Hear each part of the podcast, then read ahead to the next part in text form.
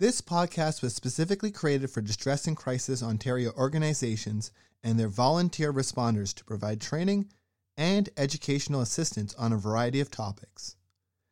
As information evolves and changes, these podcasts are meant to offer ongoing support with the goal of updating them on an ongoing basis.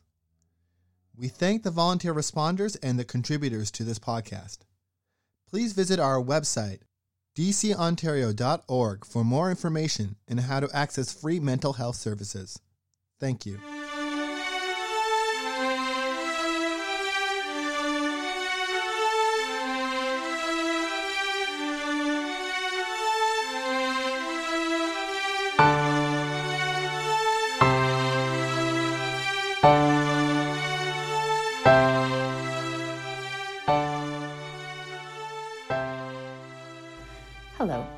Name is Caitlin Plant, and I am the Program Manager at Distress and Crisis Ontario. Thank you for choosing to listen to our podcast. In Canada, every year since 2007, the last Wednesday in February has been designated as Pink Shirt Day. This year, Pink Shirt Day falls on February 22nd, which is the Wednesday following the Monday that this episode will be going live. So, today we'll be talking about bullying, cyberbullying, why Pink Shirt Day is so important, and what we can all do to help prevent bullying. The information in today's podcast comes largely from pinkshirtday.ca, and their website is a great place to start if you'd like to learn more or access resources specific to bullying. According to pinkshirtday.ca, one in five kids is affected by bullying. Bullying is a form of aggression where there is a power imbalance. The person doing the bullying has power over the person being victimized. In addition to any physical trauma incurred, bullying can result in serious emotional problems, including anxiety, low self esteem, or depression. There are a few different types of bullying.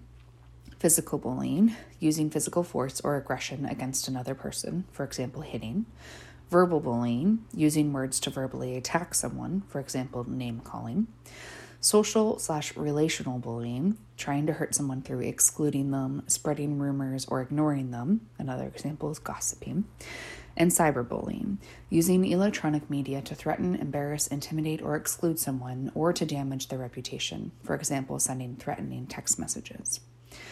When talking about bullying, harassment is sometimes something that also comes up. And while bullying and harassment are similar, they are different. Harassment is similar to bullying because someone hurts another person through cruel, offensive, and insulting behaviors. Harassment is different from bullying in that it is a form of discrimination. So, what is discrimination? Discrimination is treating someone differently or poorly based on certain characteristics or differences. Bullying turns into harassment when the behavior goes against Canada's human rights laws and focuses on treating people differently because of any of the following age, race, ethnicity, religion, sexual orientation and gender identity, family status. So, if they are from a single parent family, adopted family, step family, etc marital status, or physical and mental disability. To learn more about harassment and how you can report it in the province of Ontario, visit the Ontario Human Rights Commission's website at www.ohrc.on.ca.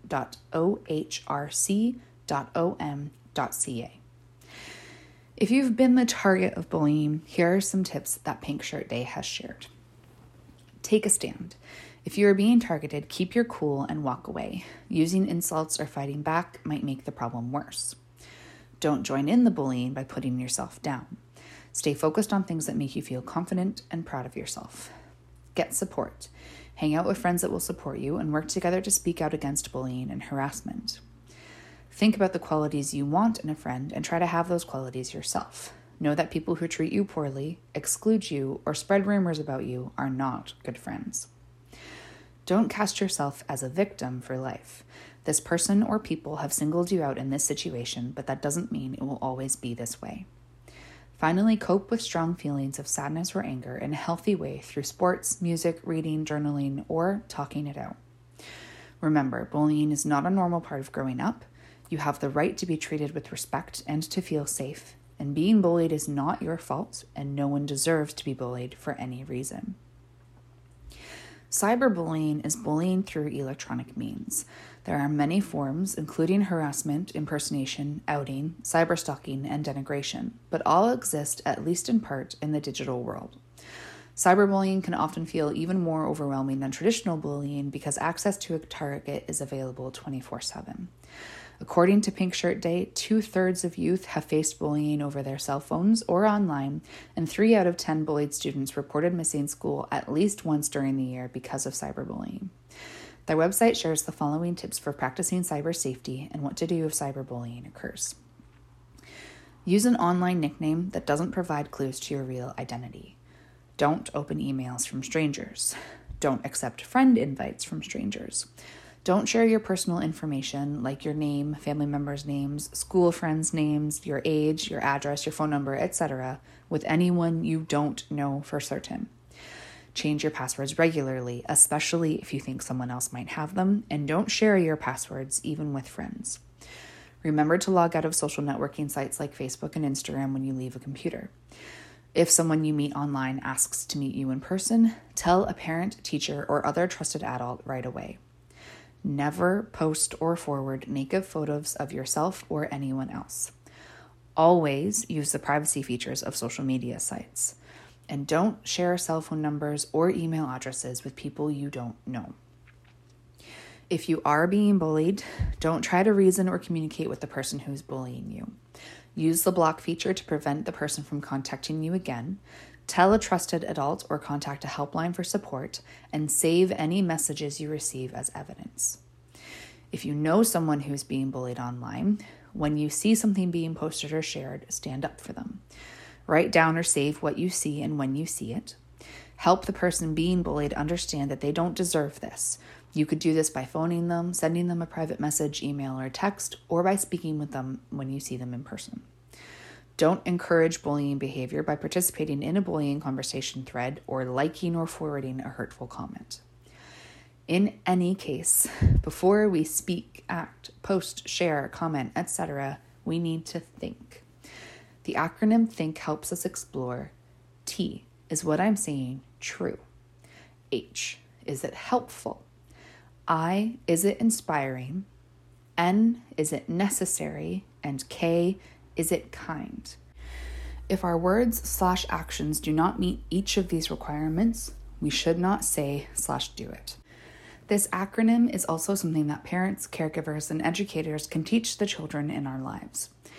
Pink Shirt Day also shares the following tips for parents and caregivers, and their website also has resources specifically designed for educators.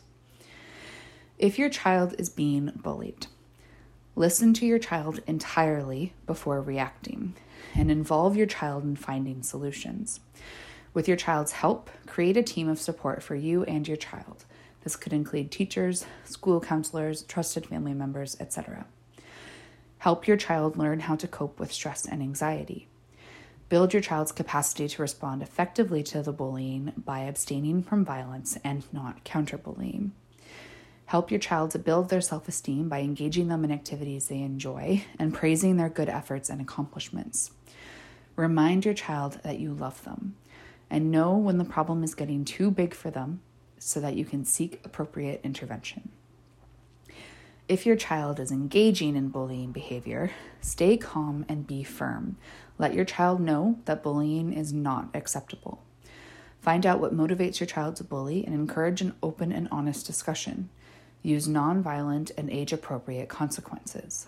Discuss how your child can take steps to repair the damage caused by the bullying behavior. Again, with your child's help, create a team of support for both you and them, which could include teachers, school counselors, trusted family members, etc. Be a positive role model in your child's life by being aware of how you use your own power. If your child is witnessing bullying, you can explore different options for your child to stand up against bullying. Educate your child to intervene immediately to stop the bullying, but to get an adult to help when the intervention is unsafe to act without an adult present. Approach the person being bullied to provide support. Explain the difference between tattling on someone as opposed to reporting in order to stop someone from getting hurt. Encourage your child to come up with creative ways to intervene in a bullying situation, such as changing the subject or starting a game. Again, set a good example for your child by showing that you care about others. Pink Shirt Day was inspired by a small act of kindness shown in small town Nova Scotia, encouraging CKNW Kids Fund to support anti bullying programs. As shared in the Globe and Mail, the Pink Shirt Day website shares the following story. David Shepherd, Travis Price, and their teenage friends organized a high school protest to wear pink in sympathy with a grade 9 boy who was being bullied for wearing a pink shirt. They took a stand against bullying when they protested against the harassment of a new grade 9 student by distributing pink t shirts to all the boys in their school. I learned that two people can come up with an idea, run with it, and it can do wonders, says Mr. Price, then aged 17, who organized the pink protest. Finally, someone stood up for a weaker kid. So Mr. Shepherd and some others headed off to a discount store and bought 50 pink tank tops. They sent out messages to schoolmates that night, and the next morning they hauled the shirts to school in a plastic bag. As they stood in the foyer handing out the shirts, the bullied boy walked in. His spa- face spoke volumes. It looked like a huge weight was lifted off his shoulders, Mr. Price recalled. The bullies were never heard from again. After David and Travis's act of kindness in 2007, CKNW was inspired to help other youth affected by bullying, with many staff members wearing pink shirts and collecting funds to support boys and girls clubs. Since then, the idea has only grown each year, with worldwide support and participation. Countries across the globe are now organizing anti bullying fundraisers of their own, including Japan, New Zealand, China, Panama, and numerous others. In fact, in 2022, people in almost 180 countries shared their support of Pink Shirt Day.